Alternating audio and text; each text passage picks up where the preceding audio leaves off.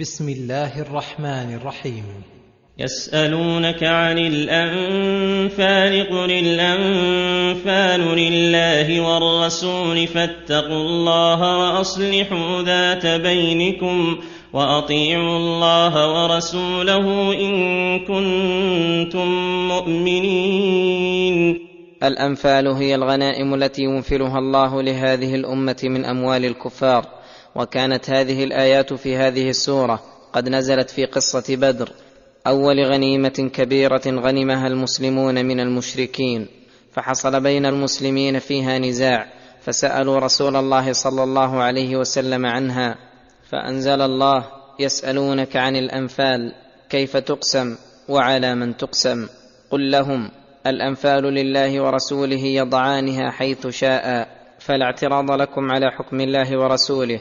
بل عليكم إذا حكم الله ورسوله أن ترضوا بحكمهما وتسلموا الأمر لهما وذلك داخل في قوله فاتقوا الله بامتثال أوامره واجتناب نواهيه.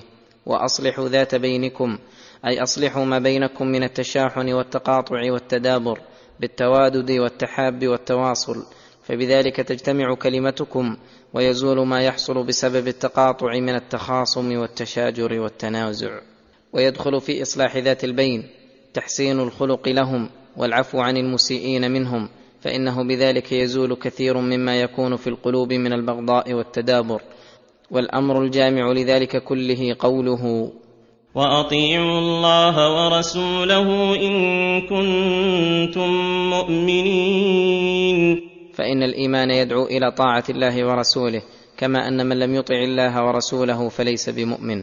ومن نقصت طاعته لله ورسوله فذلك لنقص إيمانه.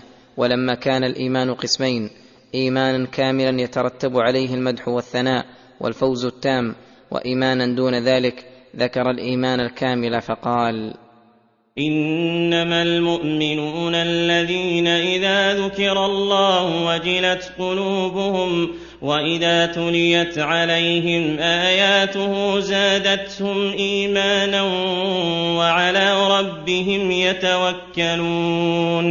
إنما المؤمنون الألف واللام للاستغراق لشرائع الإيمان. الذين إذا ذكر الله وجلت قلوبهم أي خافت ورهبت فأوجبت لهم خشية الله تعالى الانكفاف عن المحارم فإن خوف الله تعالى أكبر علاماته أن يحجز صاحبه عن الذنوب. وإذا تليت عليهم آياته زادتهم إيمانا ووجه ذلك أنهم يلقون له السمع ويحضرون قلوبهم لتدبره فعند ذلك يزيد إيمانهم لأن التدبر من أعمال القلوب ولأنه لا بد أن يبين لهم معنى كانوا يجهلونه أو يتذكرون ما كانوا نسوه. أو يحدث في قلوبهم رغبة في الخير واشتياقا إلى كرامة ربهم أو وجلا من العقوبات وازدجارا عن المعاصي وكل هذا مما يزداد به الإيمان. وعلى ربهم وحده لا شريك له يتوكلون أي يعتمدون في قلوبهم على ربهم في جلب مصالحهم ودفع مضارهم الدينية والدنيوية ويثقون بأن الله تعالى سيفعل ذلك. والتوكل هو الحامل للاعمال كلها فلا توجد ولا تكمل إلا به.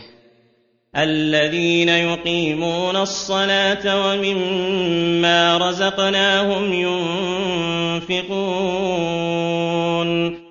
الذين يقيمون الصلاة من فرائض ونوافل بأعمالها الظاهرة والباطنة كحضور القلب فيها الذي هو روح الصلاة ولبها.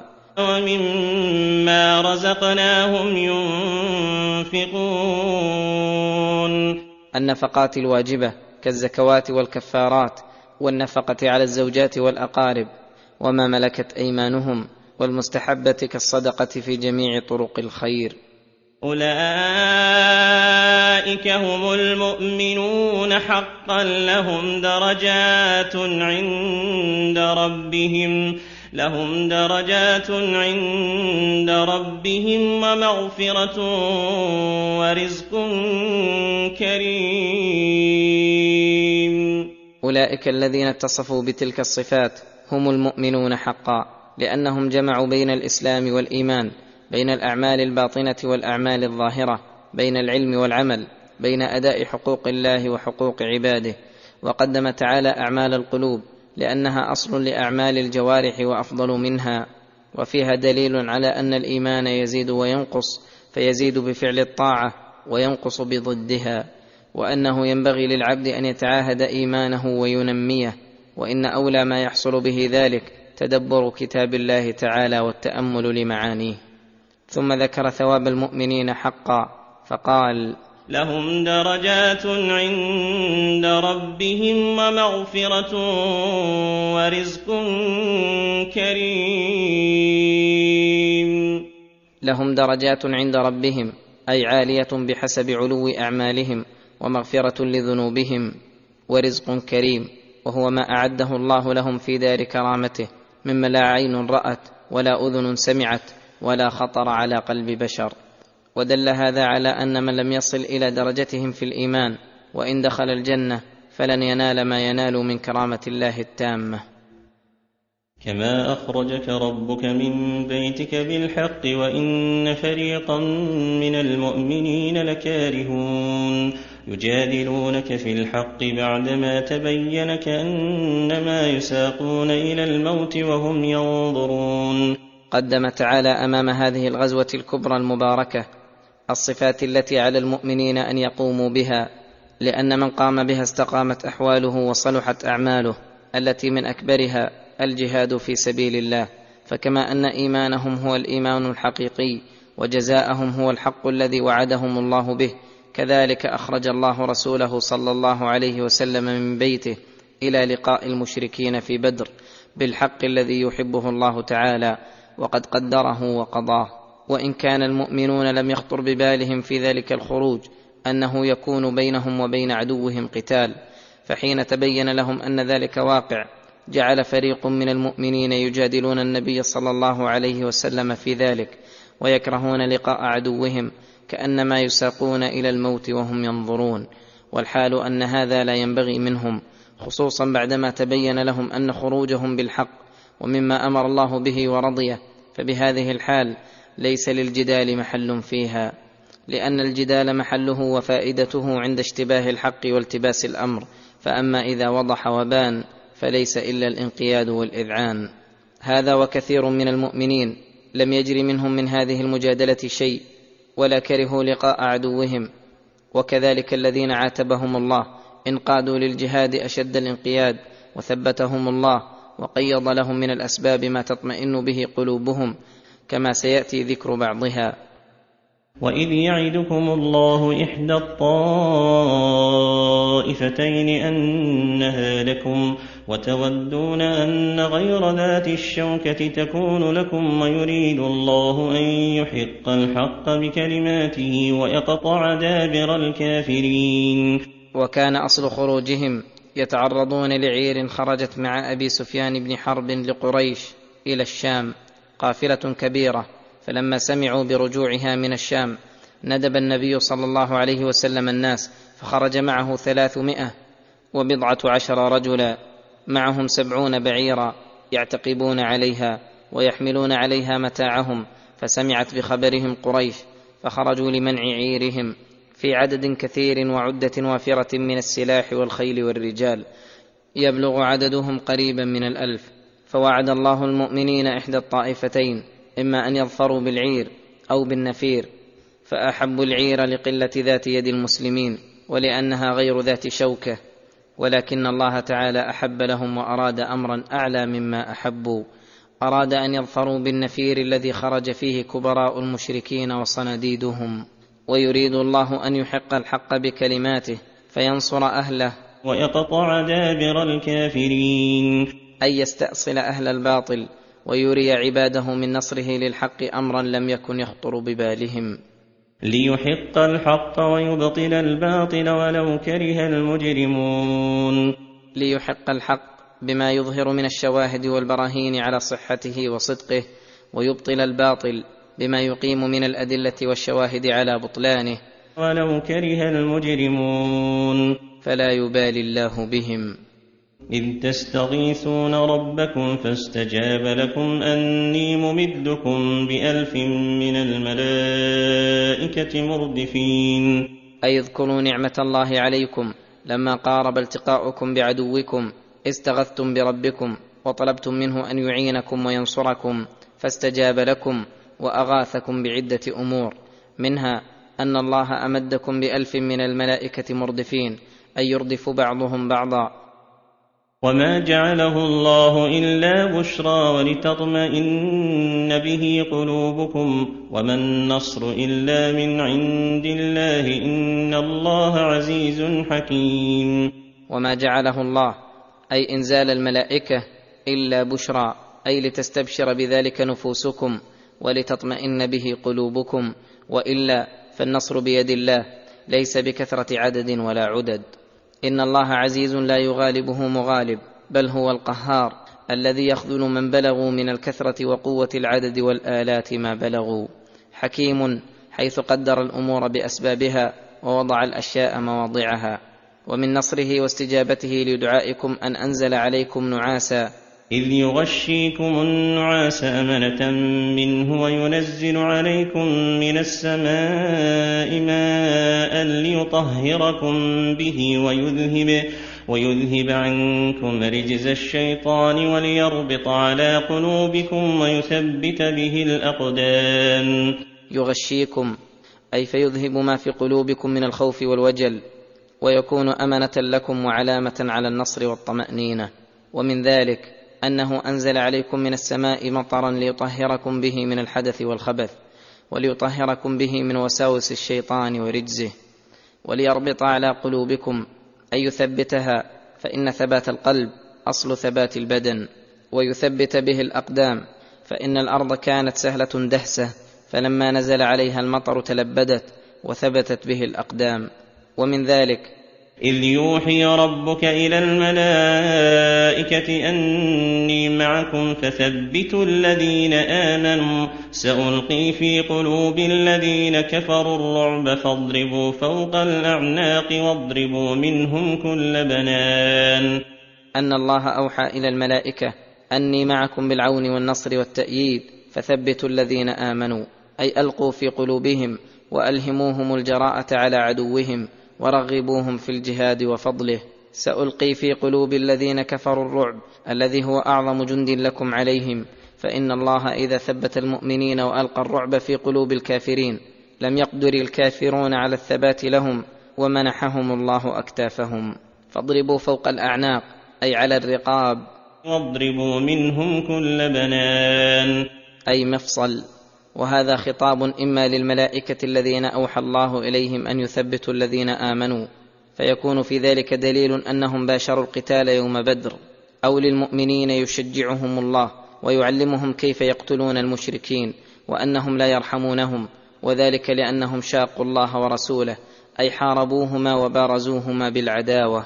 ذلك بأنهم شاقوا الله ورسوله ومن يشاقق الله ورسوله فإن الله شديد العقاب. ومن عقابه تسليط أوليائه على أعدائه وتقتيلهم.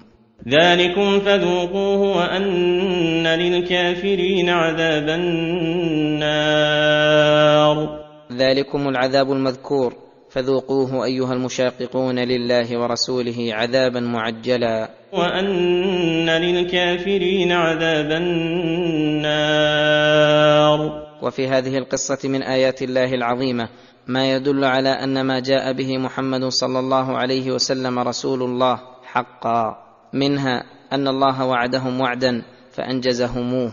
ومنها ما قال الله تعالى قد كان لكم آية في فئتين التقتا فئة تقاتل في سبيل الله وأخرى كافرة يرونهم مثليهم رأي العين. ومنها إجابة دعوة الله للمؤمنين لما استغاثوه بما ذكره من الأسباب وفيها الاعتناء العظيم بحال عباده المؤمنين وتقييض الأسباب التي بها ثبت إيمانهم وثبت أقدامهم وزال عنهم المكروه والوساوس الشيطانية. ومنها أن من لطف الله بعبده أن يسهل عليه طاعته وييسرها بأسباب داخلية وخارجية. يا أيها الذين آمنوا إذا لقيتم الذين كفروا زحفا فلا تولوهم الأدبار. يأمر تعالى عباده المؤمنين بالشجاعة الإيمانية والقوة في أمره والسعي في جلب الأسباب المقوية للقلوب والأبدان ونهاهم عن الفرار إذا التقى الزحفان. فقال يا أيها الذين آمنوا إذا لقيتم الذين كفروا زحفا أي في صف القتال وتزاحف الرجال واقتراب بعضهم من بعض. فلا تولوهم الأدبار. بل اثبتوا لقتالهم واصبروا على جلادهم فإن في ذلك نصرة لدين الله وقوة لقلوب المؤمنين وارهابا للكافرين. ومن يولهم يومئذ دبره إلا متحرفا لقتال أو متحيزا إلى فئة فقد باء بغضب من الله ومأواه جهنم وبئس المصير. فقد باء أي رجع بغضب من الله ومأواه أي مقره جهنم وبئس المصير. وهذا يدل على أن الفرار من الزحف من غير عذر من أكبر الكبائر كما وردت بذلك الأحاديث الصحيحة وكما نص هنا على وعيده بهذا الوعيد الشديد. ومفهوم الآية أن المتحرف للقتال وهو الذي ينحرف من جهة إلى أخرى ليكون أمكن له في القتال وأنكى لعدوه فإنه لا بأس بذلك. لأنه لم يول دبره فارا وإنما ولى دبره ليستعلي على عدوه أو يأتيه من محل يصيب فيه غرته أو ليخدعه بذلك. أو غير ذلك من مقاصد المحاربين وأن المتحيز إلى فئة تمنعه وتعينه على قتال الكفار فإن ذلك جائز. فإن كانت الفئة في العسكر فالأمر في هذا واضح. وإن كانت الفئة في غير محل المعركة كانهزام المسلمين بين يدي الكافرين والتجائهم إلى بلد من بلدان المسلمين أو إلى عسكر آخر من عسكر المسلمين فقد ورد من آثار الصحابة ما يدل على أن هذا جائز. ولعل هذا يقيد بما إذا ظن المسلمون أن الانهزام أحمد عاقبة وأبقى عليهم. أما إذا ظنوا غلبتهم للكفار في ثباتهم لقتالهم فيبعد في هذه الحال أن تكون من الأحوال المرخص فيها لأنه على هذا لا يتصور الفرار المنهي عنه. وهذه الآية مطلقة وسيأتي في آخر السورة تقييدها بالعدد. فلم تقتلوهم ولكن الله قتلهم وما رميت إذ رميت ولكن الله رمى وليبلي المؤمنين منه بلاء حسنا إن الله سميع عليم. يقول تعالى لما انهزم المشركون يوم بدر وقتلهم المسلمون فلم تقتلوهم بحولكم وقوتكم ولكن الله قتلهم حيث أعانكم على ذلك بما تقدم ذكره. وما رميت إذ رميت ولكن الله رمى. وذلك أن النبي صلى الله عليه وسلم وقت القتال دخل العريش وجعل يدعو الله ويناشده في نصرته ثم خرج منه فأخذ حفنة من تراب فرماها في وجوه المشركين فأوصلها الله إلى وجوههم فما بقي منهم واحد إلا وقد أصاب وجهه وفمه وعينيه منها. فحينئذ انكسر حدهم وفتر زندهم وبان فيهم الفشل والضعف فانهزموا. يقول تعالى لنبيه لست بقوتك حين رميت التراب أوصلته إلى أعينهم وإنما أوصلناه إليهم بقوتنا واقتدارنا. وليبلي المؤمنين منه بلاء حسنا إن الله سميع عليم. أي إن الله قادر على انتصار المؤمنين من الكافرين. من دون مباشرة قتال ولكن الله أراد أن يمتحن المؤمنين ويوصلهم بالجهاد إلى أعلى الدرجات وأرفع المقامات ويعطيهم أجرا حسنا وثوابا جزيلا. إن الله سميع عليم. يسمع تعالى ما أسر به العبد وما أعلن ويعلم ما في قلبه من النيات الصالحة وضدها فيقدر على العباد أقدارا موافقة لعلمه وحكمته ومصلحة عباده ويجزي كلا بحسب نيته وعمله. ذلكم وأن الله موهن كيد الكافرين. ذلكم النصر من الله لكم. وأن الله موهن كيد الكافرين.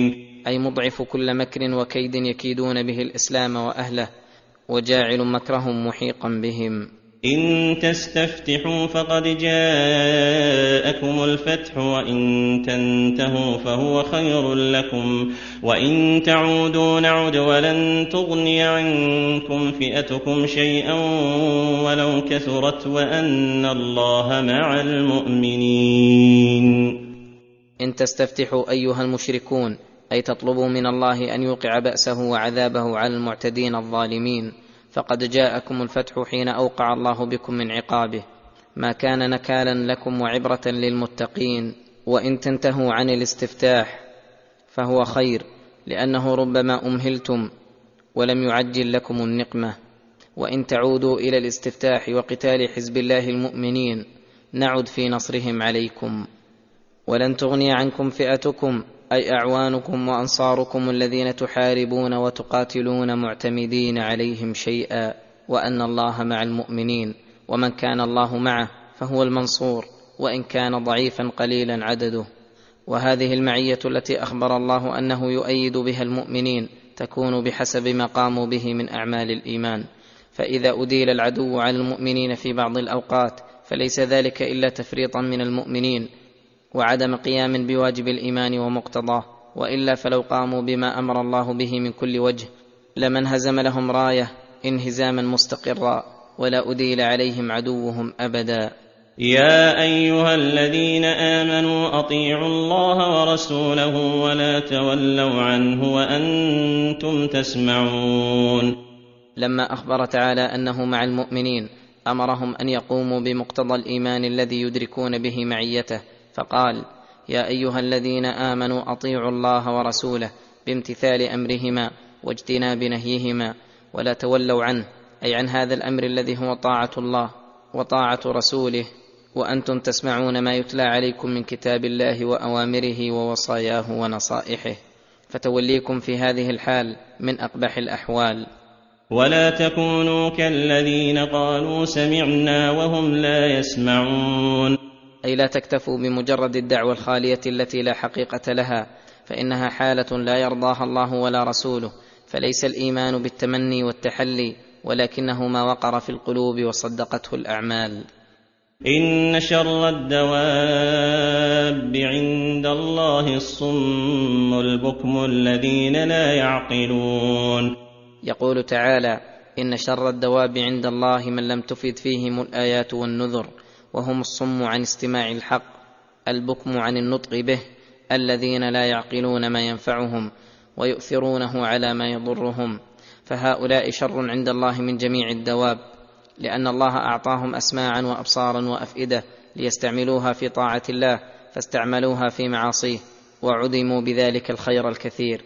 فإنهم كانوا بصدد أن يكونوا من خيار البرية فأبوا هذا الطريق واختاروا لأنفسهم أن يكونوا من شر البرية. والسمع الذي نفاه الله عنهم سمع المعنى المؤثر في القلب. وأما سمع الحجة فقد قامت حجة الله تعالى عليهم بما سمعوه من آياته وإنما لم يسمعوا السماع النافع لأنه لم يعلم فيهم خيرا يصلحون به لسماع آياته. ولو علم الله فيهم خيرا لأسمعهم ولو أسمعهم لتولوا وهم معرضون. ولو أسمعهم على الفرض والتقدير لتولوا عن الطاعة وهم معرضون لا التفات لهم إلى الحق بوجه من الوجوه وهذا دليل على أن الله تعالى لا يمنع الإيمان والخير إلا لمن لا خير فيه الذي لا يزكو لديه ولا يثمر عنده وله الحمد تعالى والحكمة في هذا.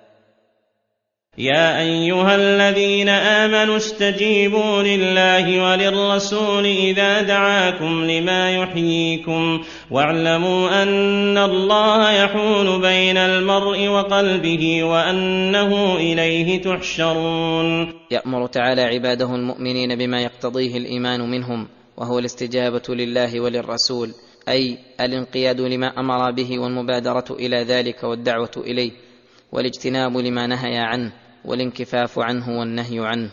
وقوله إذا دعاكم لما يحييكم وصف ملازم لكل ما دعا الله ورسوله إليه وبيان لفائدته وحكمته فإن حياة القلب والروح بعبودية الله تعالى ولزوم طاعته وطاعة رسوله على الدوام.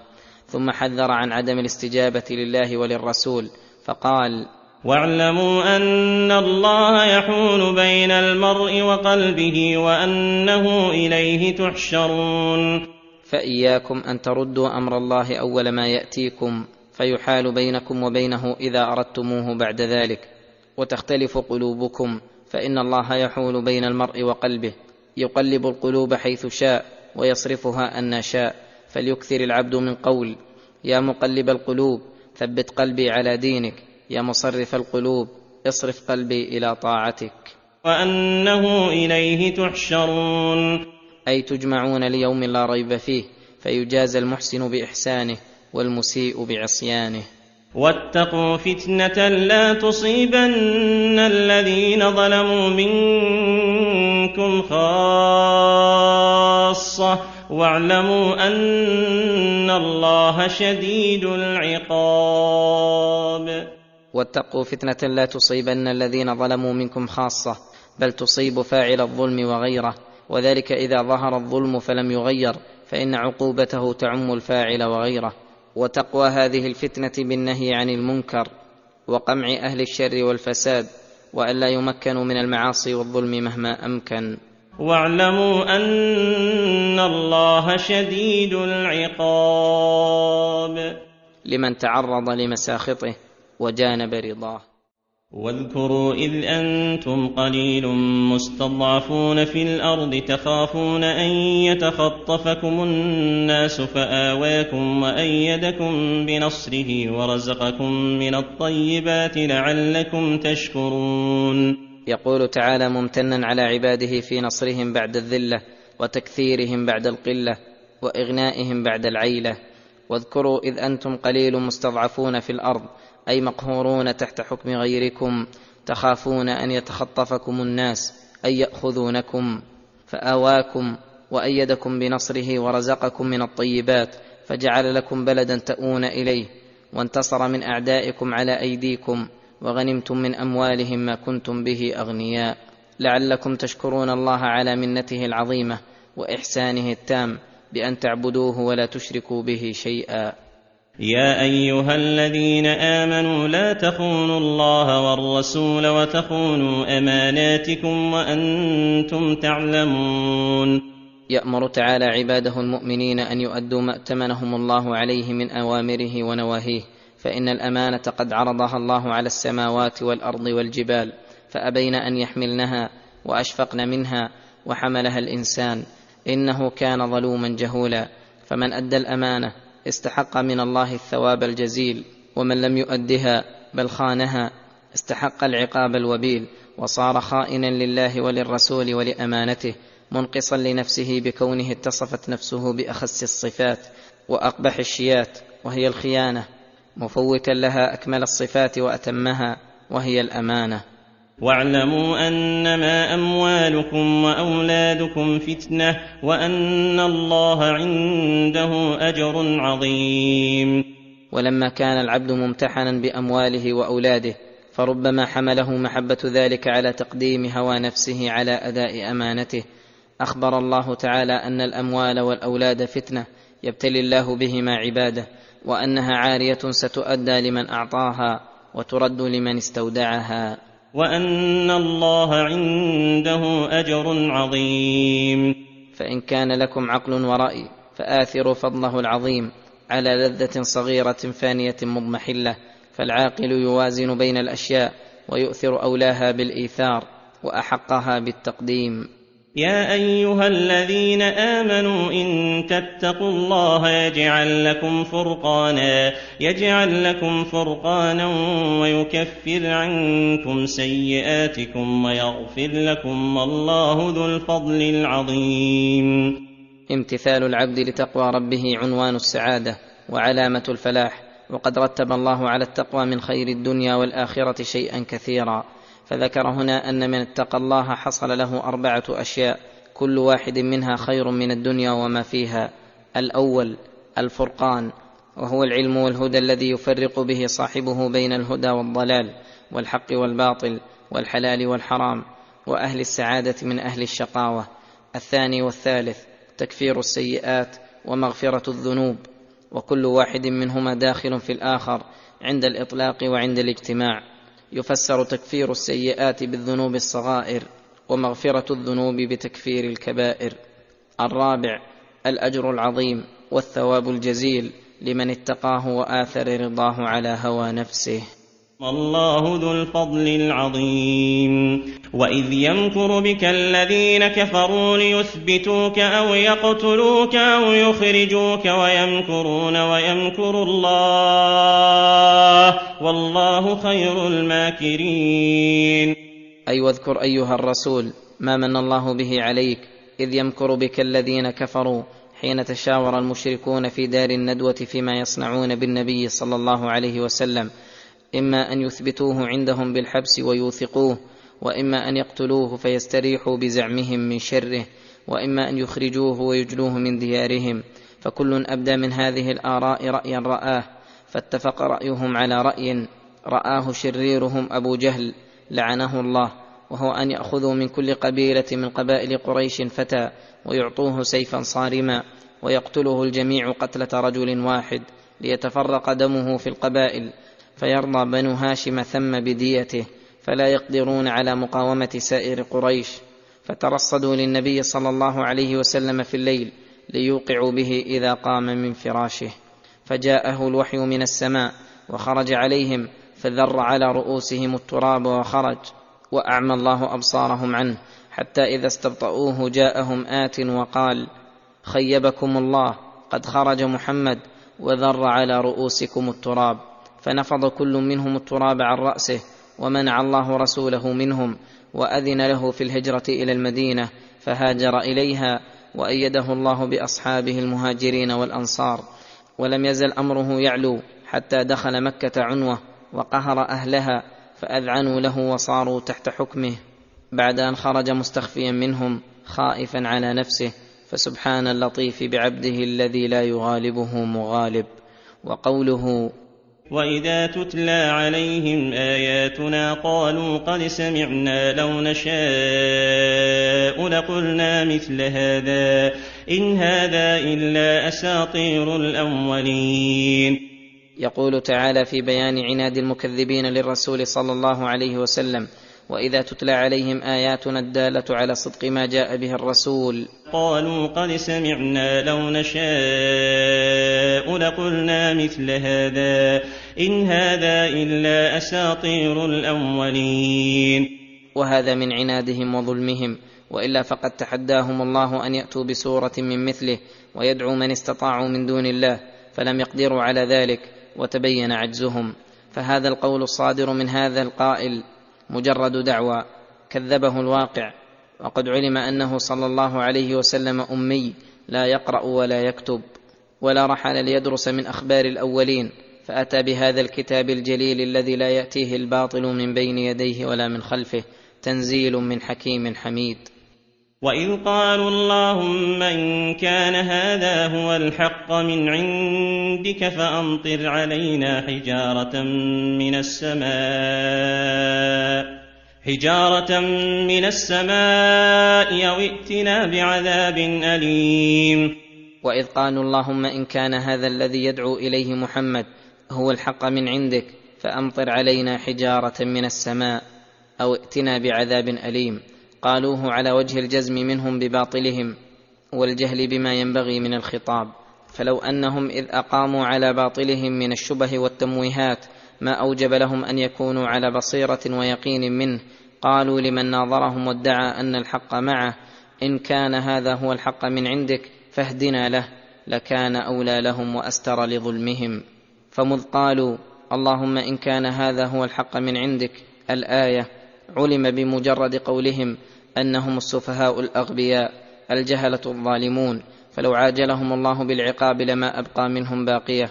ولكنه تعالى دفع عنهم العذاب بسبب وجود الرسول بين أظهرهم. فقال وما كان الله ليعذبهم وأنت فيهم وما كان الله معذبهم وهم يستغفرون.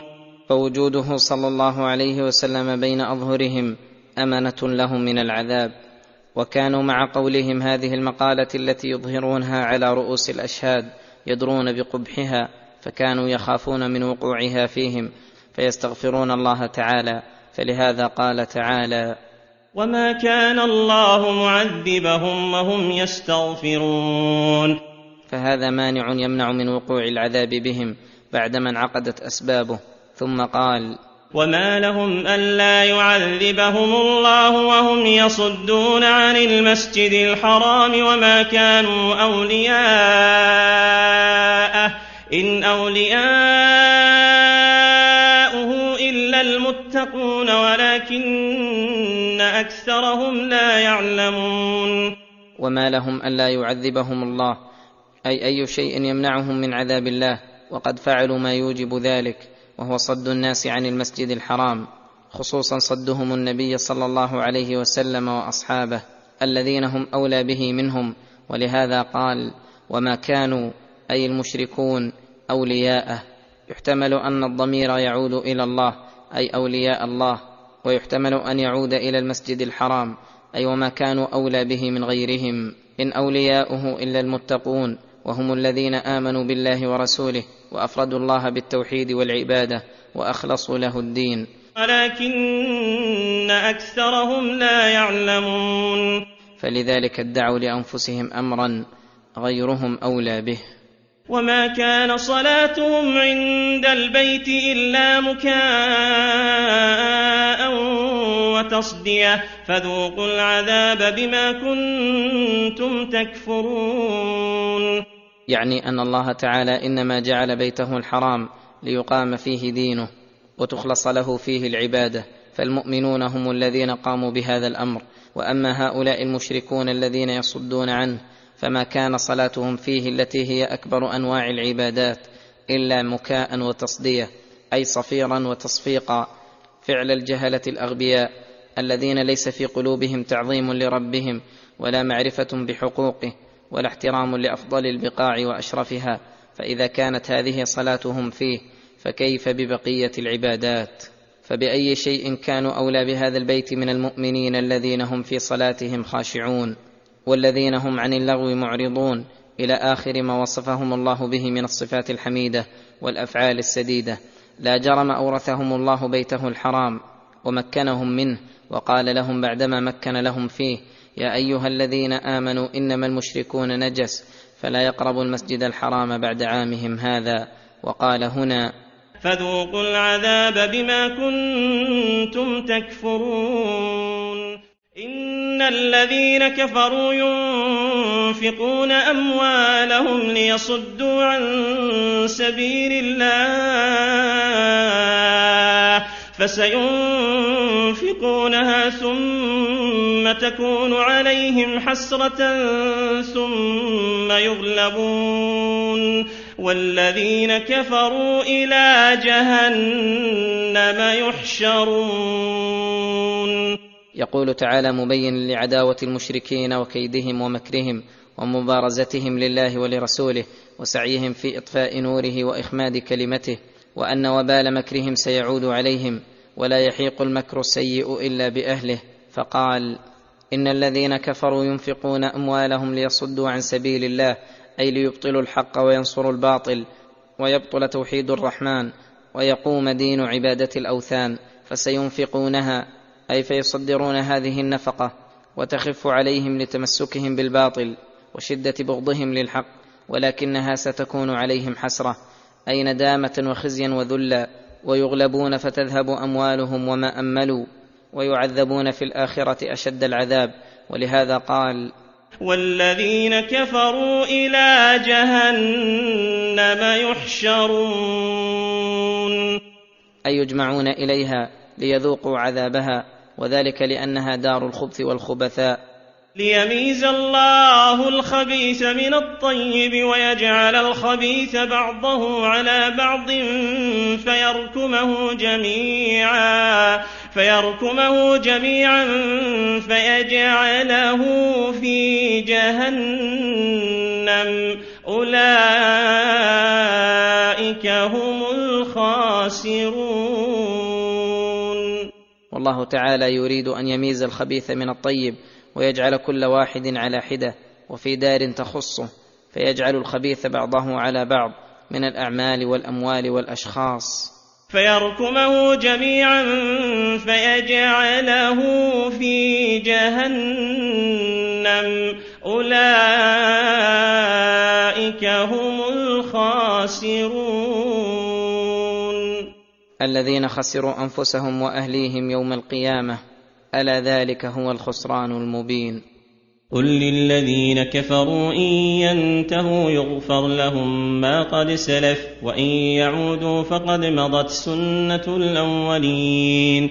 هذا من لطفه تعالى بعباده لا يمنعه كفر العباد ولا استمرارهم في العناد من أن يدعوهم إلى طريق الرشاد والهدى وينهاهم عما يهلكهم من أسباب الغي والردى فقال قل للذين كفروا إن ينتهوا عن كفرهم وذلك بالإسلام لله وحده لا شريك له يغفر لهم ما قد سلف منهم من الجرائم وإن يعودوا إلى كفرهم وعنادهم. فقد مضت سنة الأولين.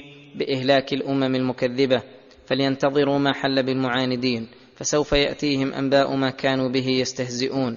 فهذا خطابه للمكذبين وأما خطابه للمؤمنين عندما أمرهم بمعاملة الكافرين فقال وقاتلوهم حتى لا تكون فتنة ويكون الدين كله لله. فإن انتهوا فإن الله بما يعملون بصير.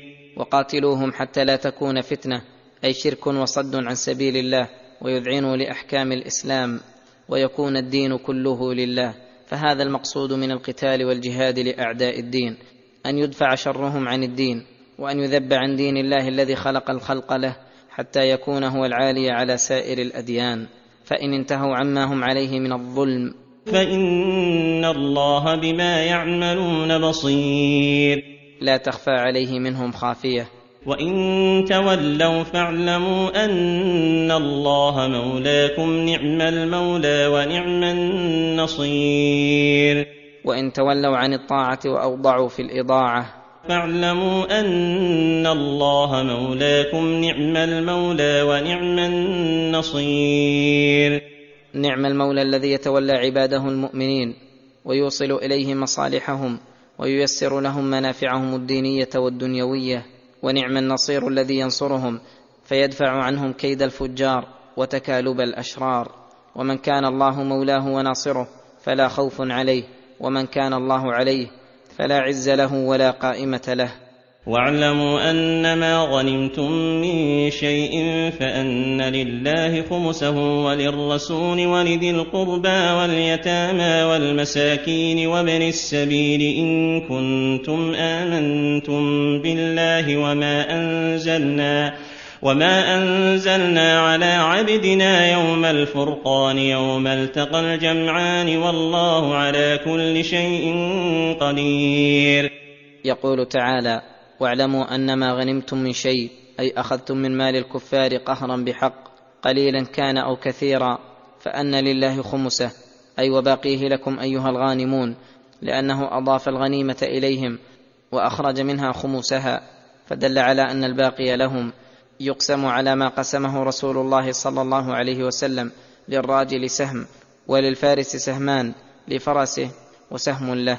وأما هذا الخمس فيقسم خمسة أسهم سهم لله ولرسوله يصرف في مصالح المسلمين العامة من غير تعيين لمصلحة لأن الله جعله له ولرسوله والله ورسوله غنيان عنه فعلم أنه لعباد الله فإذا لم يعين الله له مصرفا دل على أن مصرفه للمصالح العامة. والخمس الثاني لذي القربى وهم قرابة النبي صلى الله عليه وسلم من بني هاشم وبني المطلب وأضافه الله إلى القرابة دليلا على أن العلة فيه مجرد القرابة فيستوي فيه غنيهم وفقيرهم ذكرهم وأنثاهم. والخمس الثالث لليتامى وهم الذين فقدوا آباءهم وهم صغار جعل الله لهم خمس الخمس رحمة بهم حيث كانوا عاجزين عن القيام بمصالحهم وقد فقد من يقوم بمصالحهم. والخمس الرابع للمساكين أي المحتاجين الفقراء من صغار وكبار ذكور وإناث.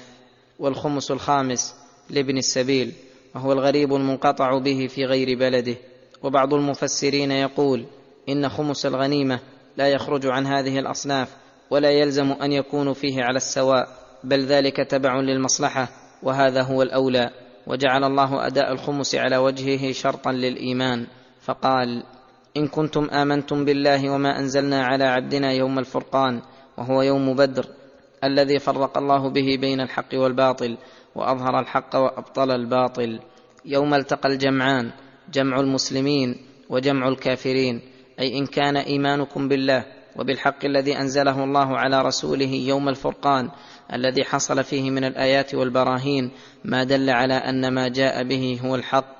والله على كل شيء قدير. لا يغالبه أحد إلا غلبه.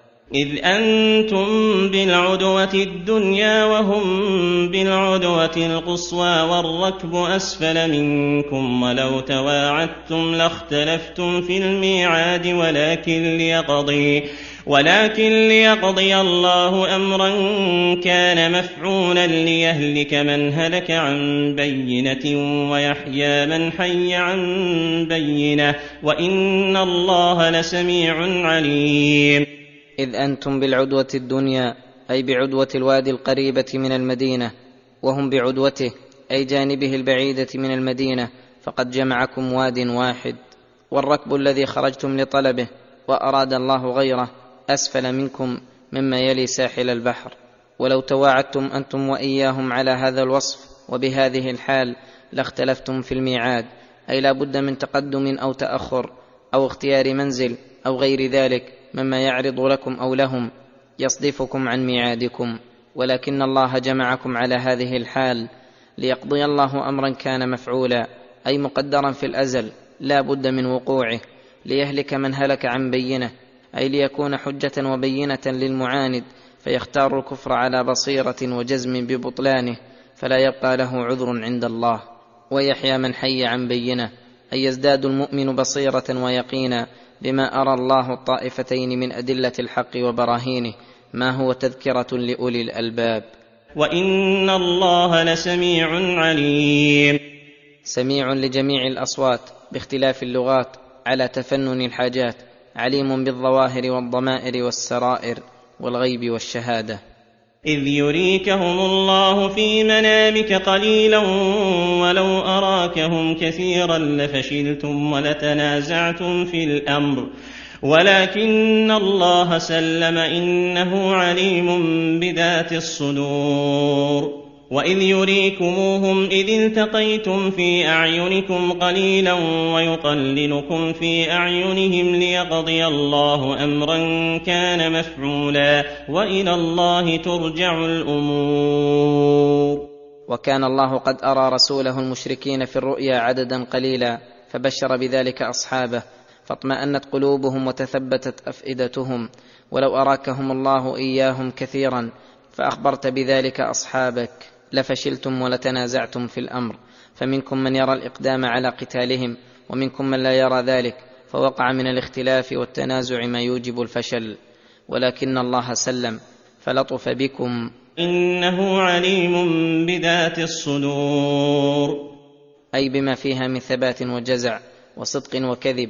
فعلم الله من قلوبكم ما صار سببا للطفه وإحسانه بكم وصدق الله رؤيا رسوله. فأرى الله المؤمنين عدوهم قليلا في أعينهم ويقللكم يا معشر المؤمنين في أعينهم. فكل من الطائفتين ترى الأخرى قليلة لتقدم كل منهما على الأخرى. ليقضي الله أمرا كان مفعولا من نصر المؤمنين وخذلان الكافرين وقتل قادتهم ورؤساء الضلال منهم. ولم يبق منهم أحد له اسم يذكر فيتيسر بعد ذلك انقيادهم إذا دعوا إلى الإسلام. فصار أيضا لطفا بالباقين الذين من الله عليهم بالإسلام. وإلى الله ترجع الأمور. أي جميع أمور الخلائق ترجع إلى الله فيميز الخبيث من الطيب ويحكم في الخلائق بحكمه العادل الذي لا جور فيه ولا ظلم. يا أيها الذين آمنوا إذا لقيتم فئة فاثبتوا واذكروا الله كثيرا لعلكم تفلحون. يقول تعالى يا أيها الذين آمنوا إذا لقيتم فئة أي طائفة من الكفار تقاتلكم فاثبتوا لقتالها واستعملوا الصبر وحبس النفس على هذه الطاعة الكبيرة التي عاقبتها العز والنصر. واستعينوا على ذلك بالإكثار من ذكر الله. لعلكم تفلحون. أي تدركون ما تطلبون من الانتصار على أعدائكم فالصبر والثبات والإكثار من ذكر الله من أكبر الأسباب للنصر. وأطيعوا الله ورسوله ولا تنازعوا فتفشلوا وتذهب ريحكم واصبروا إن الله مع الصابرين. وأطيعوا الله ورسوله في استعمال ما أمر به والمشي خلف ذلك في جميع الأحوال. ولا تنازعوا تنازعا يوجب تشتت القلوب وتفرقها. فتفشلوا أي تجبنوا وتذهب ريحكم أي تنحل عزائمكم وتفرق قوتكم. ويرفع ما وعدتم به من النصر على طاعة الله ورسوله. واصبروا نفوسكم على طاعة الله. إن الله مع الصابرين. بالعون والنصر والتأييد. واخشعوا لربكم واخضعوا له. ولا تكونوا كالذين خرجوا من ديارهم بطرا ورئاء الناس ويصدون عن سبيل الله. والله بما يعملون محيط. أي هذا مقصدهم الذي خرجوا إليه وهذا الذي أبرزهم من ديارهم لقصد الأشر والبطر في الأرض وليراهم الناس ويفخروا لديهم. والمقصود الأعظم أنهم خرجوا ليصدوا عن سبيل الله من أراد سلوكه. والله بما يعملون محيط. فلذلك أخبركم بمقاصدهم وحذركم أن تشبهوا بهم فإنه سيعاقبهم على ذلك أشد العقوبة. فليكن قصدكم في خروجكم وجه الله تعالى وإعلاء دين الله والصد عن الطرق الموصلة إلى سخط الله وعقابه وجذب الناس إلى سبيل الله القويم الموصل لجنات النعيم. واذ زين لهم الشيطان اعمالهم وقال لا غالب لكم اليوم من الناس واني جار لكم فلما تراءت الفئتان نكص على عقبيه وقال اني بريء منكم اني ارى إني أرى ما لا ترون إني أخاف الله والله شديد العقاب. وإذ زين لهم الشيطان أعمالهم حسنها في قلوبهم وخدعهم وقال لا غالب لكم اليوم من الناس فإنكم في عدد وعدد وهيئة لا يقاومكم فيها محمد ومن معه. وإني جار لكم من أن يأتيكم أحد ممن تخشون غائلته لأن إبليس قد تبدى لقريش في صورة سراقة بن مالك بن جعشم المدلجي وكانوا يخافون من بني مدلج لعداوة كانت بينهم. فقال لهم الشيطان أنا جار لكم فاطمأنت نفوسهم وأتوا على حرد قادرين. فلما تراءت الفئتان المسلمون والكافرون فرأى الشيطان جبريل عليه السلام يزع الملائكة خاف خوفا شديدا ونكص على عقبيه أي ولى مدبرا. وقال لمن خدعهم وغرهم إني بريء منكم إني أرى ما لا ترون أي أرى الملائكة الذين لا يدان لأحد بقتالهم إني أخاف الله أي أخاف أن يعاجلني بالعقوبة في الدنيا. والله شديد العقاب.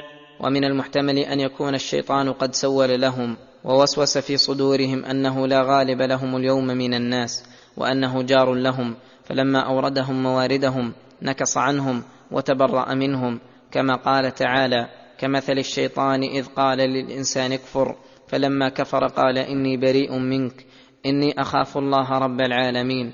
إذ يقول المنافقون والذين في قلوبهم مرض غر هؤلاء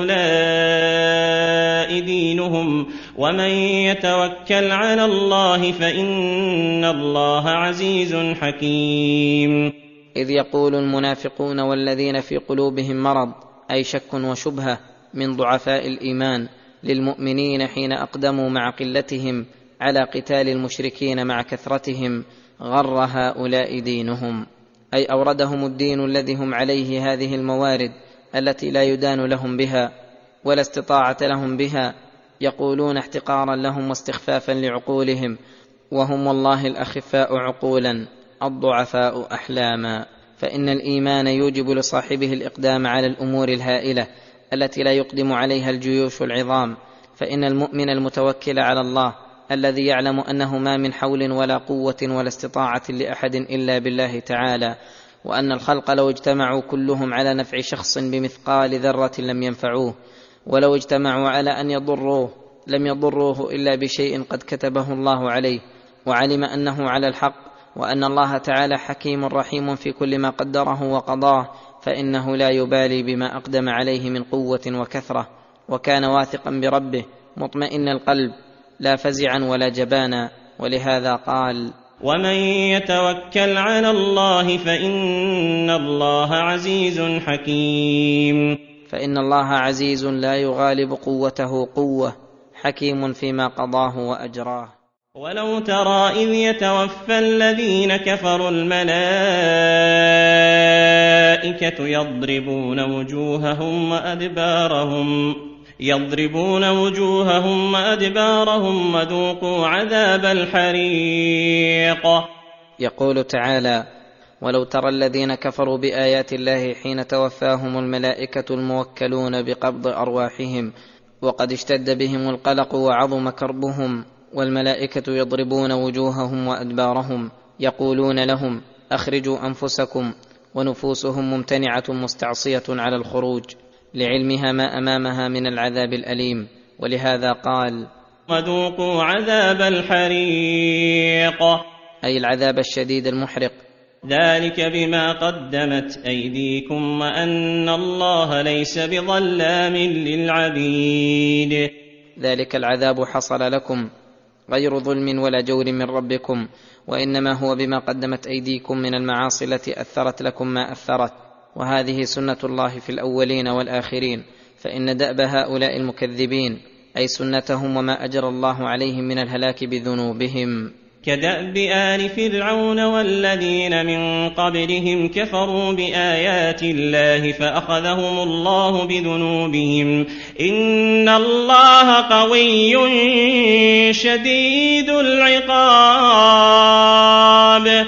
كدأب آل فرعون والذين من قبلهم من الأمم المكذبة كفروا بآيات الله فأخذهم الله بالعقاب بذنوبهم.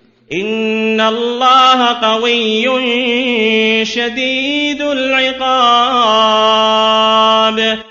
لا يعجزه أحد يريد أخذه. ما من دابة إلا هو آخذ بناصيتها.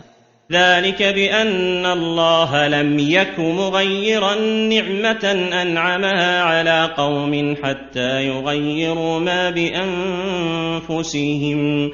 وان الله سميع عليم ذلك العذاب الذي اوقعه الله بالامم المكذبين وازال عنهم ما هم فيه من النعم والنعيم بسبب ذنوبهم وتغييرهم ما بانفسهم فان الله لم يكن مغيرا نعمه انعمها على قوم من نعم الدين والدنيا بل يبقيها ويزيدهم منها ان ازدادوا له شكرا حتى يغيروا ما بانفسهم من الطاعه إلى المعصيه فيكفروا نعمة الله ويبدلوها كفرا فيسلبهم إياها ويغيرها عليهم كما غيروا ما بأنفسهم. ولله الحكمة في ذلك والعدل والإحسان إلى عباده حيث لم يعاقبهم إلا بظلمهم وحيث جذب قلوب أوليائه إليه بما يذيق العباد من النكال إذا خالفوا أمره. وأن الله سميع عليم.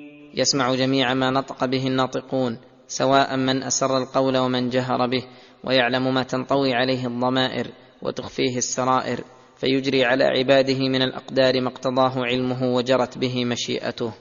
كداب ال فرعون والذين من قبلهم كذبوا بآيات ربهم فأهلكناهم بذنوبهم وأغرقنا آل فرعون.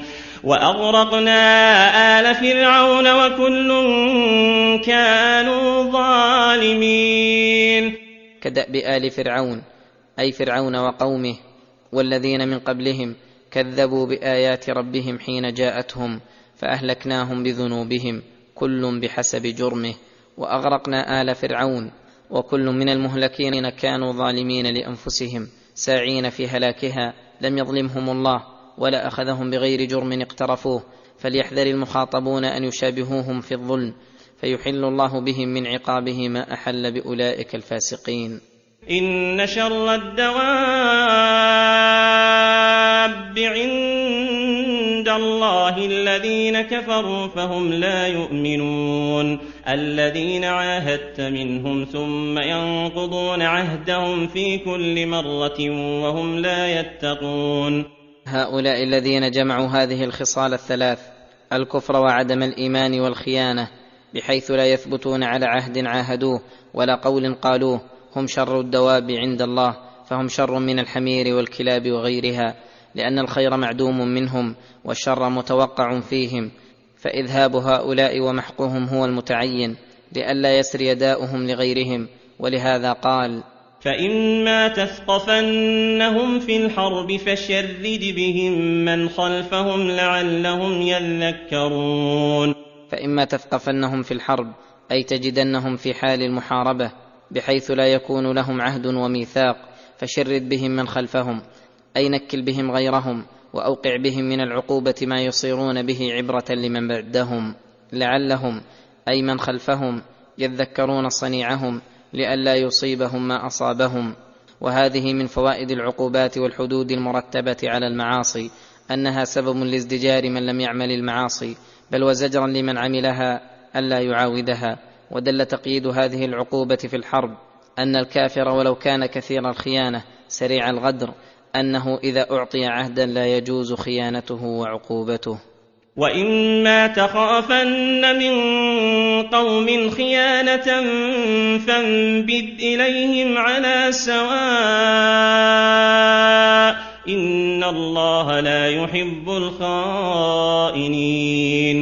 أي واذا كان بينك وبين قوم عهد وميثاق على ترك القتال فخفت منهم خيانه بان ظهر من قرائن احوالهم ما يدل على خيانتهم من غير تصريح منهم بالخيانه فانبذ إليهم عهدهم أي ارمه عليهم وأخبرهم أنه لا عهد بينك وبينهم على سواء أي حتى يستوي علمك وعلمهم بذلك ولا يحل لك أن تغدرهم أو تسعى في شيء مما منعه موجب العهد حتى تخبرهم بذلك. إن الله لا يحب الخائنين.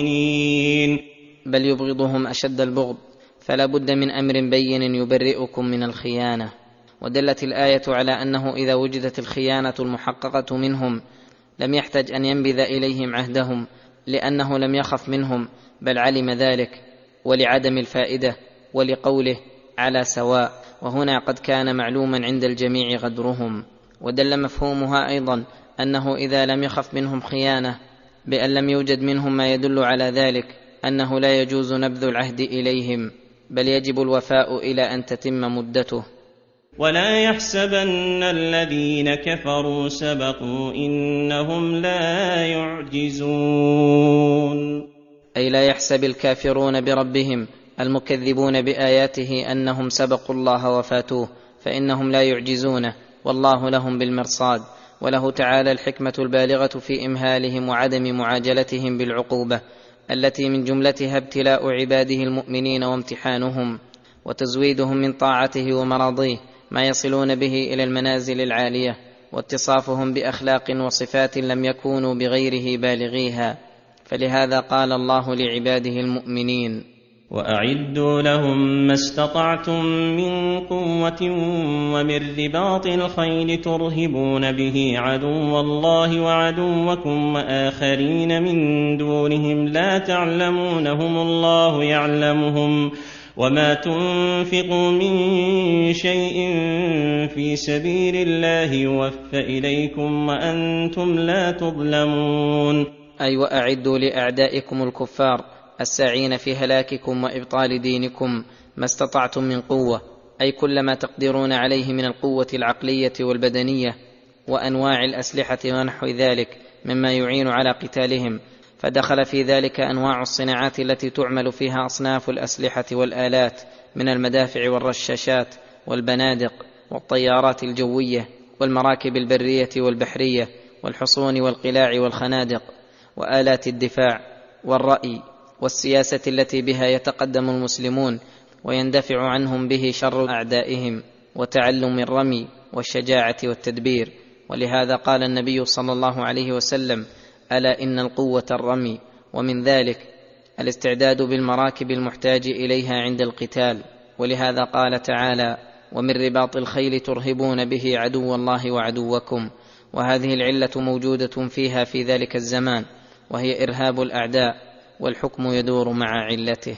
فإذا كان شيء موجود أكثر ارهابا منها كالسيارات البرية والهوائية المعدة للقتال التي تكون النكاية فيها أشد كانت مأمورا بالاستعداد بها والسعي لتحصيلها حتى إنها إذا لم توجد إلا بتعلم الصناعة وجب ذلك لأن ما لا يتم الواجب إلا به فهو واجب.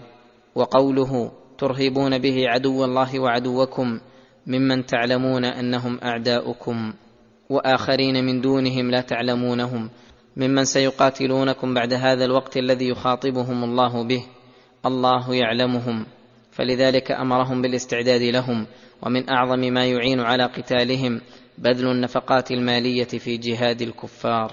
ولهذا قال تعالى مرغبا في ذلك وما تنفقوا من شيء في سبيل الله قليلا كان أو كثيرا يوفى إليكم أجره يوم القيامة مضاعفا اضعافا كثيرة حتى إن النفقة في سبيل الله تضاعف إلى سبعمائة ضعف إلى أضعاف كثيرة. وأنتم لا تظلمون. أي لا تنقصون من أجرها وثوابها شيئا. وإن جنحوا للسلم فاجنح لها وتوكل على الله إنه هو السميع العليم. يقول تعالى وإن جنحوا أي الكفار المحاربون أي مالوا للسلم أي الصلح وترك القتال فاجنح لها وتوكل على الله. أي أجبهم إلى ما طلبوا متوكلا على ربك فإن في ذلك فوائد كثيرة. منها أن طلب العافية مطلوب كل وقت فإذا كانوا هم المبتدئين في ذلك كان أولى لإجابتهم. ومنها أن في ذلك إجماما لقواكم واستعدادا منكم لقتالهم في وقت آخر إن احتيج لذلك. ومنها أنكم إذا أصلحتم وأمن بعضكم بعضا وتمكن كل من معرفة ما عليه الآخر فإن الإسلام يعلو ولا يعلى عليه. فكل من له عقل وبصيرة إذا كان معه إنصاف فلا بد أن يؤثره على غيره من الأديان لحسنه في أوامره ونواهيه وحسنه في معاملته للخلق والعدل فيهم وأنه لا جور فيه ولا ظلم بوجه. فحينئذ يكثر الراغبون فيه والمتبعون له فصار هذا السلم عونا للمسلمين على الكافرين ولا يخاف من السلم إلا خصلة واحدة وهي أن يكون الكفار قصدهم بذلك خدع المسلمين وانتهاز الفرصة فيهم. فأخبرهم الله أنه حسبهم وكافيهم خداعهم وأن ذلك يعود عليهم ضرره. فقال وإن يريدوا أن يخدعوك فإن حسبك الله. هو الذي أيدك بنصره وبالمؤمنين وألف بين قلوبهم.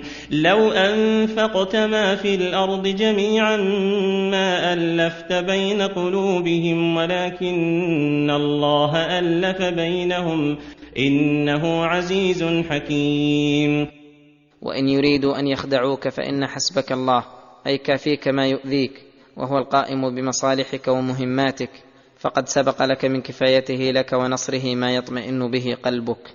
فهو الذي أيدك بنصره وبالمؤمنين أي أعانك بمعونة سماوية وهو النصر منه الذي لا يقاومه شيء ومعونة بالمؤمنين بأن قيضهم لنصرك. وألف بين قلوبهم فاجتمعوا وائتلفوا وازدادت قوتهم بسبب اجتماعهم ولم يكن هذا بسعي أحد ولا بقوة غير قوة الله. فلو أنفقت ما في الأرض جميعا من ذهب وفضة وغيرهما لتأليفهم بعد تلك النفرة والفرقة الشديدة ما ألفت بين قلوبهم لأنه لا يقدر على تقليب القلوب إلا الله تعالى. ولكن الله ألف بينهم إنه عزيز حكيم. ومن عزته أن ألف بين قلوبهم وجمعها بعد الفرقة كما قال تعالى واذكروا نعمة الله عليكم إذ كنتم أعداء فألف بين قلوبكم فأصبحتم بنعمته إخوانا وكنتم على شفا حفرة من النار فأنقذكم منها. ثم قال تعالى يا أيها النبي حسبك الله ومن اتبعك من المؤمنين. يا أيها النبي حسبك الله أي كافيك ومن اتبعك من المؤمنين أي وكافي أتباعك من المؤمنين. وهذا وعد من الله لعباده المؤمنين المتبعين لرسوله بالكفاية والنصرة على الأعداء. فإذا أتوا بالسبب الذي هو الإيمان والاتباع فلا بد أن يكفيهم ما أهمهم من أمور الدين والدنيا وإنما تتخلف الكفاية بتخلف شرطها. يا أيها النبي حرض المؤمنين على القتال. إن يكن منكم عشرون صابرون يظلموا مئتين. وإن يكن منكم مئة يغلبوا ألفا من الذين كفروا بأنهم قوم لا يفقهون. يقول تعالى لنبيه صلى الله عليه وسلم يا أيها النبي حرض المؤمنين على القتال أي حثهم وأنهضهم إليه بكل ما يقوي عزائمهم وينشط هممهم من الترغيب في الجهاد ومقارعة الأعداء والترهيب من ضد ذلك وذكر فضائل الشجاعة والصبر وما يترتب على ذلك من خير الدنيا والآخرة وذكر مضار الجبن وأنه من الأخلاق الرذيلة المنقصة للدين والمروءة وأن الشجاعة بالمؤمنين أولى من غيرهم. إن تكونوا تألمون فإنهم يألمون كما تألمون وترجون من الله ما لا يرجون. إن يكن منكم أيها المؤمنون عشرون صابرون يغلبوا مئتين وإن يكن منكم مائه يغلبوا الفا من الذين كفروا. يكون الواحد بنسبة عشرة من الكفار وذلك بأن الكفار قوم لا يفقهون. أي لا علم عندهم بما أعد الله للمجاهدين في سبيله. فهم يقاتلون لأجل العلو في الأرض والفساد فيها وأنتم تفقهون المقصود من القتال أنه لإعلاء كلمة الله وإظهار دينه والذب عن كتاب الله وحصول الفوز الأكبر عند الله وهذه كلها دواع للشجاعة والصبر والإقدام على القتال. ثم إن هذا الحكم خففه الله على العباد فقال الآن خفف الله عنكم وعلم أن فيكم ضعفا. وعلم أن فيكم ضعفا فلذلك اقتضت رحمته وحكمته التخفيف. فإن يكن منكم مئة صابرة يغلبوا مئتين وإن يكن منكم ألف يغلبوا ألفين بإذن الله والله مع الصابرين. بعونه وتأييده. وهذه الآيات صورتها صورة الإخبار عن المؤمنين. بأنهم إذا بلغوا هذا المقدار المعين يغلبون ذلك المقدار المعين في مقابلته من الكفار وأن الله يمتن عليهم بما جعل فيه من الشجاعة الإيمانية. ولكن معناها وحقيقتها الأمر وأن الله أمر المؤمنين في أول الأمر أن الواحد لا يجوز له أن يفر من العشرة والعشرة من المئة والمئة من الألف. ثم إن الله خفف ذلك فصار لا يجوز فرار المسلمين من مثليهم من الكفار. فإن زادوا على مثليهم جاز لهم الفرار ولكن يرد على هذا أمران. أحدهما أنها بصورة الخبر والأصل في الخبر أن يكون على بابه وأن المقصود بذلك الامتنان والإخبار بالواقع. والثاني تقييد ذلك العدد أن يكونوا صابرين بأن يكونوا متدربين على الصبر. ومفهوم هذا أنهم إذا لم يكونوا صابرين فإنه يجوز لهم الفرار ولو أقل من مثليهم. إذا غلب على ظنهم الضرر كما تقتضيه الحكمة الإلهية. ويجاب عن الأول بأن قوله الآن خفف الله عنكم إلى آخرها دليل على أن هذا أمر لازم وأمر محتم ثم إن الله خففه إلى ذلك العدد فهذا ظاهر في أنه أمر وإن كان في صيغة الخبر. وقد يقال إن في إتيانه بلفظ الخبر نكتة بديعة لا توجد فيه إذا كان بلفظ الأمر. وهي تقوية قلوب المؤمنين والبشارة بأنهم سيغلبون الكافرين. ويجاب عن الثاني أن المقصود بتقييد ذلك بالصابرين أنه حث على الصبر وأنه ينبغي منكم أن تفعلوا الأسباب الموجبة لذلك. فإذا فعلوها صارت الأسباب الإيمانية والأسباب المادية مبشرة بحصول ما أخبر الله به من النصر لهذا العدد القليل. ما كان لنبي أن يكون له أسرى حتى يثخن في الأرض. تريدون عرض الدنيا والله يريد الآخرة والله عزيز حكيم. هذه معتبة من الله لرسوله وللمؤمنين يوم بدر إذ اسروا المشركين وأبقوهم لأجل الفداء. وكان رأي أمير المؤمنين عمر بن الخطاب في هذه الحال قتلهم واستئصالهم. فقال تعالى ما كان لنبي أن يكون له أسرى حتى يثخن في الأرض. أي ما ينبغي ولا يليق به إذا قاتل الكفار الذين يريدون أن يطفئوا نور الله ويسعوا لإخماد دينه والا يبقى على وجه الأرض من يعبد الله أن يتسرع إلى أسرهم وإبقائهم لأجل الفداء الذي يحصل منهم. وهو عرض قليل بالنسبة إلى المصلحة المقتضية لإبادتهم وإبطال شرهم فما دام لهم شر وصولة فالأوفق الا يؤسروا. فإذا أثخنوا وبطل شرهم واضمحل أمرهم فحينئذ لا بأس بأخذ الأسرى منهم وإبقائهم. يقول تعالى تريدون بأخذكم الفداء وإبقائهم عرض الحياة الدنيا أي لا لمصلحة تعود إلى دينكم.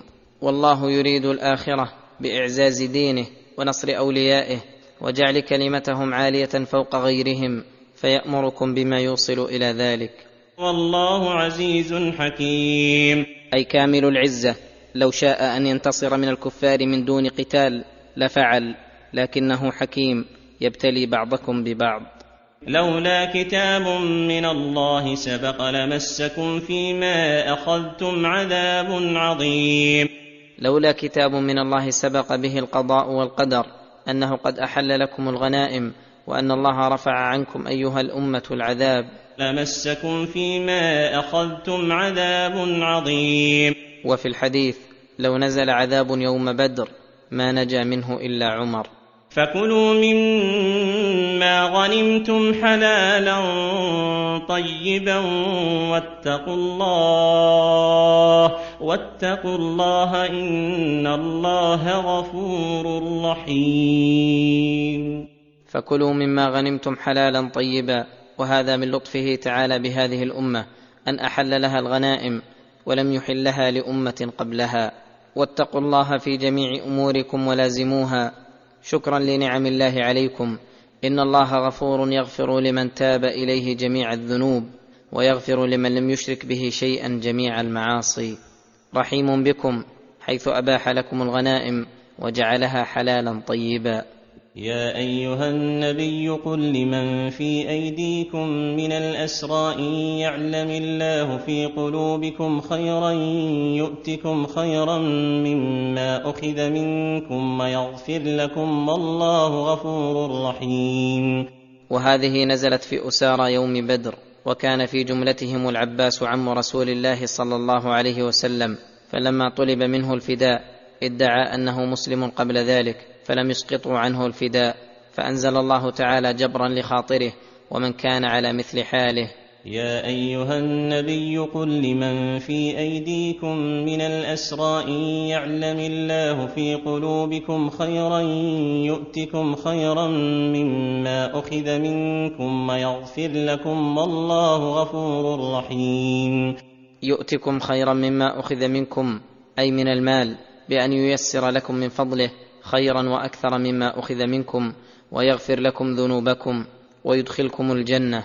وقد أنجز الله وعده للعباس وغيره فحصل له بعد ذلك من المال شيء كثير حتى إنه مرة لما قدم على النبي صلى الله عليه وسلم مال كثير أتاه العباس فأمره أن يأخذ منه بثوبه ما يطيق حمله فأخذ منه ما كاد أن يعجز عن حمله. وان يريدوا خيانتك فقد خانوا الله من قبل فامكن منهم والله عليم حكيم. وان يريدوا خيانتك في السعي لحربك ومنابذتك فقد خانوا الله من قبل فامكن منهم فليحذروا خيانتك فان الله تعالى قادر عليهم وهم تحت قبضته. الله عليم حكيم. أي عليم بكل شيء حكيم يضع الأشياء مواضعها ومن علمه وحكمته أن شرع لكم هذه الأحكام الجليلة الجميلة وأن تكفل بكفايتكم شأن الأسرى وشرهم إن أرادوا خيانة. إن الذين آمنوا وهاجروا وجاهدوا بأموالهم وأنفسهم في سبيل الله والذين آووا ونصروا أولئك بعضهم أولياء بعض. هذا عقد موالاة ومحبة. عقدها الله بين المهاجرين الذين آمنوا وهاجروا في سبيل الله وتركوا أوطانهم لله لأجل الجهاد في سبيل الله وبين الأنصار الذين آووا رسول الله صلى الله عليه وسلم وأصحابه وأعانوهم في ديارهم وأموالهم وأنفسهم فهؤلاء بعضهم أولياء بعض لكمال إيمانهم وتمام اتصال بعضهم ببعض والذين امنوا ولم يهاجروا ما لكم من ولايتهم من شيء حتى يهاجروا وان استنصروكم في الدين فعليكم النصر الا على قوم بينكم وبينهم ميثاق والله بما تعملون بصير. والذين امنوا ولم يهاجروا ما لكم من ولايتهم من شيء حتى يهاجروا فإنهم قطعوا ولايتكم بانفصالهم عنكم في وقت شدة الحاجة إلى الرجال. فلما لم يهاجروا لم يكن لهم من ولاية المؤمنين شيء لكنهم إن استنصروكم في الدين أي لأجل قتال من قاتلهم لأجل دينهم فعليكم النصر والقتال معهم. وأما من قاتلوهم لغير ذلك من المقاصد فليس عليكم نصرهم. وقوله تعالى إلا على قوم بينكم وبينهم ميثاق أي عهد بترك القتال فإنهم إذا أراد المؤمنون المتميزون الذين لم يهاجروا قتالهم فلا تعينوهم عليهم لأجل ما بينكم وبينهم من الميثاق. والله بما تعملون بصير. يعلم ما أنتم عليه من الأحوال فيشرع لكم من الأحكام ما يليق بكم. والذين كفروا بعضهم أولياء بعض إلا تفعلوه تكن فتنة في الأرض وفساد كبير. لما عقد الولاية بين المؤمنين أخبر أن الكفار حيث جمعهم الكفر فبعضهم أولياء لبعض فلا يوليهم إلا كافر مثلهم وقوله إلا تفعلوه أي موالاة المؤمنين ومعاداة الكافرين بأن واليتموهم كلهم أو عاديتموهم كلهم. أو واليتم الكافرين وعاديتم المؤمنين. تكن فتنة في الأرض وفساد كبير. فإنه يحصل بذلك من الشر ما لا ينحصر من اختلاط الحق بالباطل والمؤمن بالكافر وعدم كثير من العبادات الكبار كالجهاد والهجرة وغير ذلك من مقاصد الشرع والدين التي تفوت إذا لم يتخذ المؤمنون وحدهم أولياء بعضهم لبعض. والذين آمنوا وهاجروا وجاهدوا في سبيل الله والذين آووا ونصروا أولئك هم المؤمنون حقا. لهم مغفرة ورزق كريم. الآيات السابقات في ذكر عقد الموالاة بين المؤمنين من المهاجرين والأنصار وهذه الآيات في بيان مدحهم وثوابهم فقال والذين آمنوا وهاجروا وجاهدوا في سبيل الله والذين آووا ونصروا أولئك هم المؤمنون حقا.